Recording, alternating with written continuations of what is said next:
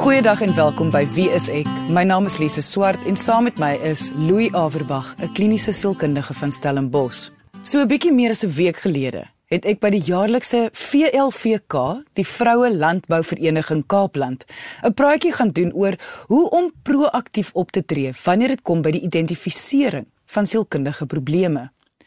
Ek en die president van die vereniging het die onderwerp gekies na aanleiding van die hoeveelheid boere wat die afgelope jaar hul eie lewens geneem het as gevolg van die toenemende druk van droogte in die ekonomie en watter rol die vrou kan speel om gevaartekens raak te sien. Ek kom maklik gaan praat het oor die tekens van depressie, die gevaartekens om vooruit te kyk en die stappe wat dan geneem moet word. Maar dit sou nie help nie. Nou Louis, vir die meeste mense sal dit nie sin maak nie. Hoekom sal dit nie help om byvoorbeeld die simptome dan te gee nie? Kyk, meeste mense verstaan dit, maar die meeste mense ken dit ook nie. En wat ek daarmee bedoel, ek sê altyd vir mense, dis is nie jou veld nie. Jy kan nie verwag jy moet 'n sekere gedrag van mense sien en dan sommer maklik kan aflei dat hulle sielkundig in die moeilikheid is of nie. Want dit is nie jou veld nie. Dit vat lank om dit sommer makliker te kan raak sien. As jy byvoorbeeld met kudde boer, dan begin jy sien dat jou vee op 'n snaakse manier optree, dan weet jy daar's 'n probleem. Jy weet dalk nie wat is die probleem nie. En dan roep jy 'n veearts in. Want dit is weer eens nie heeltemal jou veld om dan die probleem op te los nie. So jy kan nie die toestand sien nie, maar jy kan die simptome sien. So wat jy sê is dat dit beter is om jouself eers te verstaan eh, sodat die erkenning van tekens makliker verstaanbaar dan is. Ja, dis makliker. Hoe verstaan mens byvoorbeeld hoe dit is om 'n sekere vorm van kanker te hê? Goed, as jy dit self al onderlede gehad het, is dit makliker. Maar as jy nie het nie, dan gaan toets jy dit in die simptome wat jy in jouself kan herken. Pyn ken jy. Ons almal ken pyn byvoorbeeld.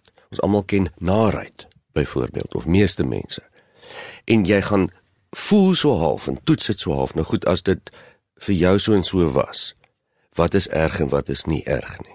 So wat presies is dit wat 'n mens van jouself dan moet verstaan? Want eh, soos jy nou sê, nie almal ervaar depressie nie. Nie almal ervaar stres op dieselfde manier nie. So wat moet jy dan van jouself leer ken? Jou basiese sielkunde. Dit klink ingewikkeld. Maar eintlik kom dit maar net daarop neer dat enige mens se basiese sielkunde gaan oor hulle denke, hoe hulle gevoelens en hulle gedrag. Net daai drie dinge en ons sê dit baie op die program. Om jou sielkunde te verstaan is dus om min of meer te verstaan hoekom jy optree soos jy optree, hoekom jy voel soos jy voel en hoekom jy dink soos wat jy dink. So, deur jou sielkunde te verstaan, weet ek hoe jy dit doen. Wat anders is as hoe ek dit doen. So Louis, jy sê hoe iemand dink hoe iemand voel en hoe iemand optree is 'n manier om jouself te leer ken. So voor die hand liggend soos wat dit klink, kan jy net voorbeelde gee van wat is denke, wat is gevoelens en wat is gedrag sodat ons net almal seker is ons is op dieselfde bladsy. Goed, jou denke het te doen met hoe jou kop werk. Kan jy konsentreer?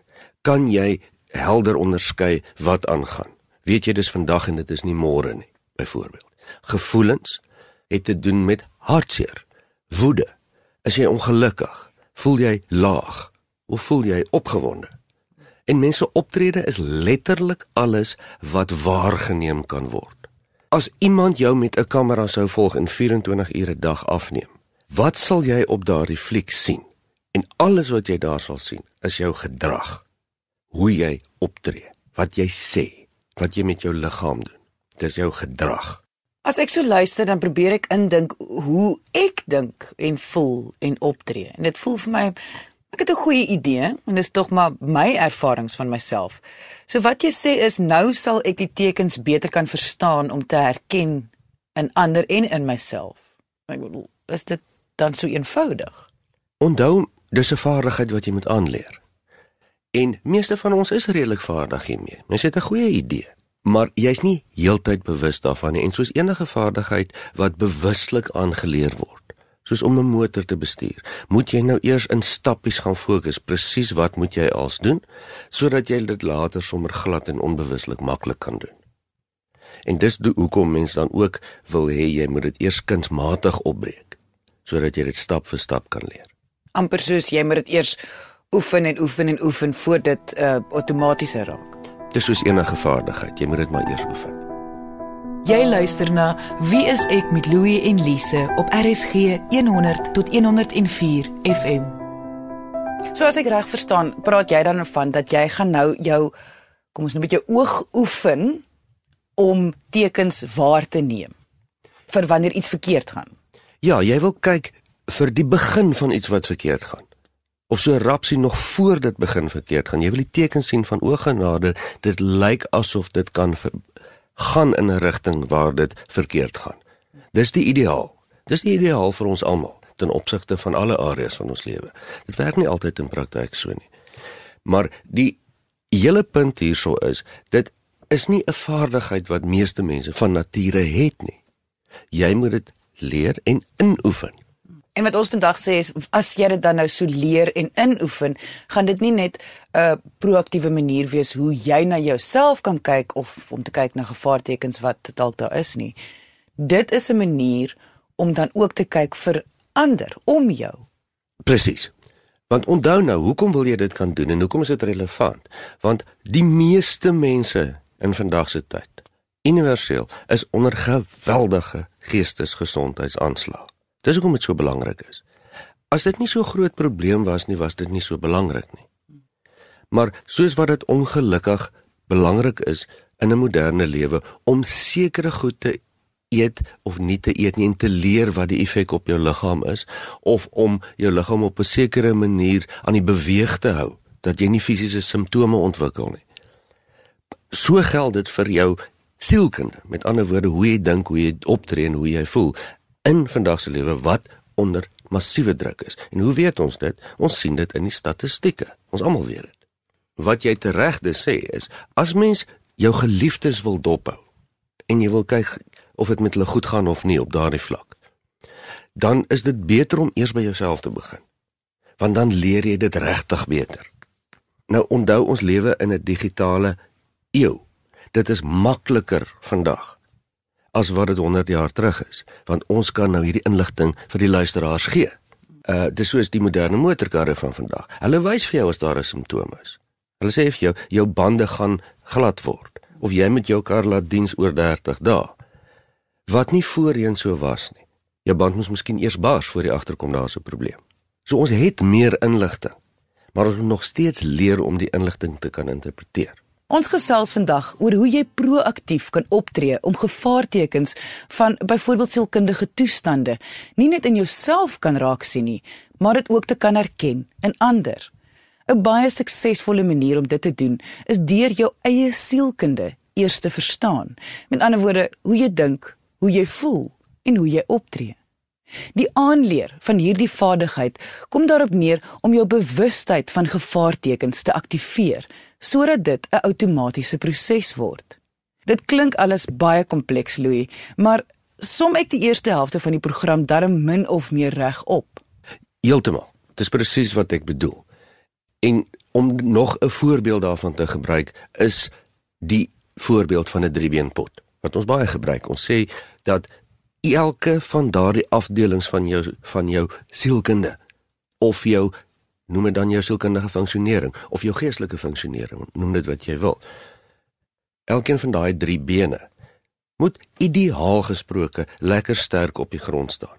En die drie bene is denke, gevoel en gedrag. Soos wat 'n pot moet al drie bene op die grond hê, dan staan hy lekker ferm.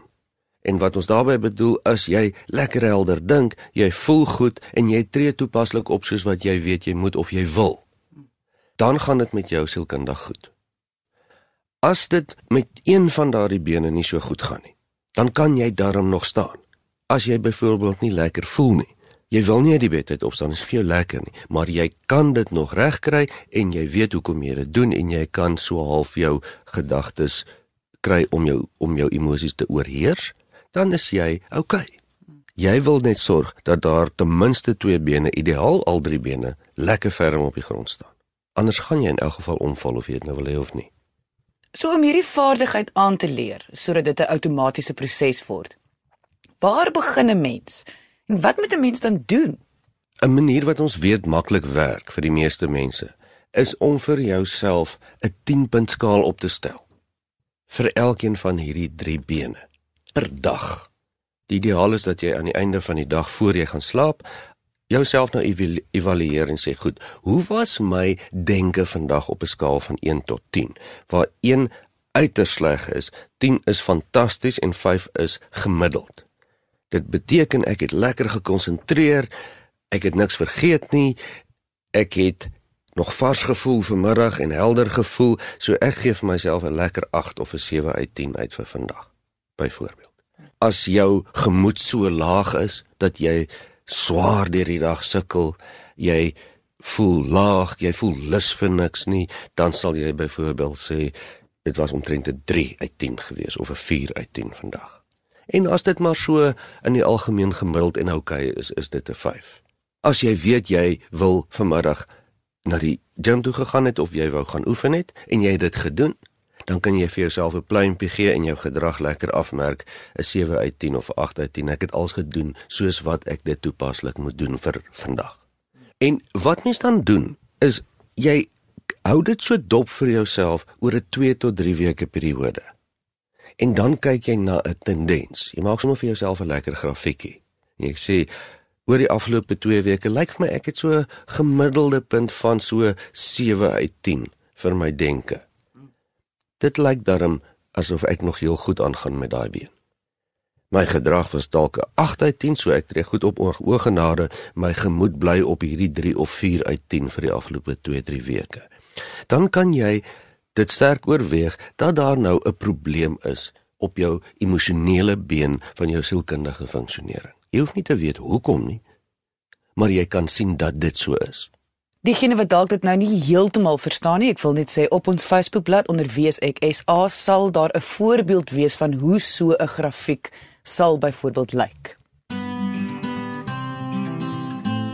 Louis maar konteks of wat meeste mense ken as omstandighede speel tog ook 'n rol want ek kan net indink dat iemand se punte tog baie laag gaan wees wanneer byvoorbeeld hulle kind dood is of hulle onder geweldige druk by die werk is of hulle punte gaan baie hoog wees as hulle byvoorbeeld die lotto gewen het.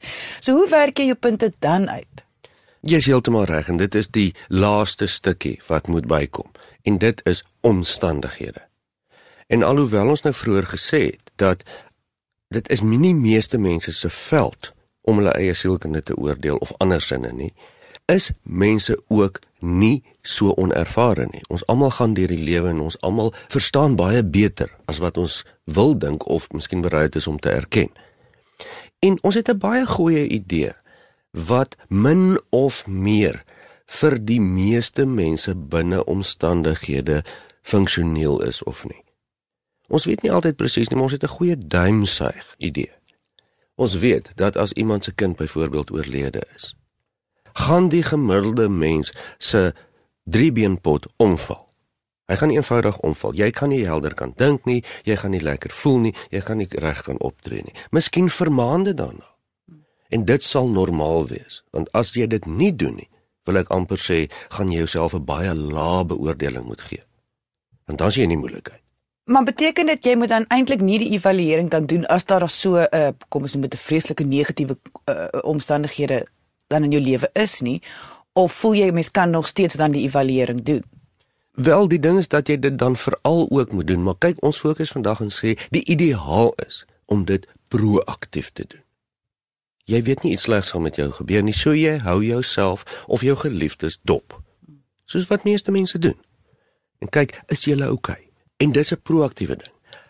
As daar omstandighede plaasvind waarin jy niks kan doen nie en jou bene van jou driebeenpot word aangetast soos wat enige iemand sou aangetast word, dan is dit nogal net so belangrik om dit te doen.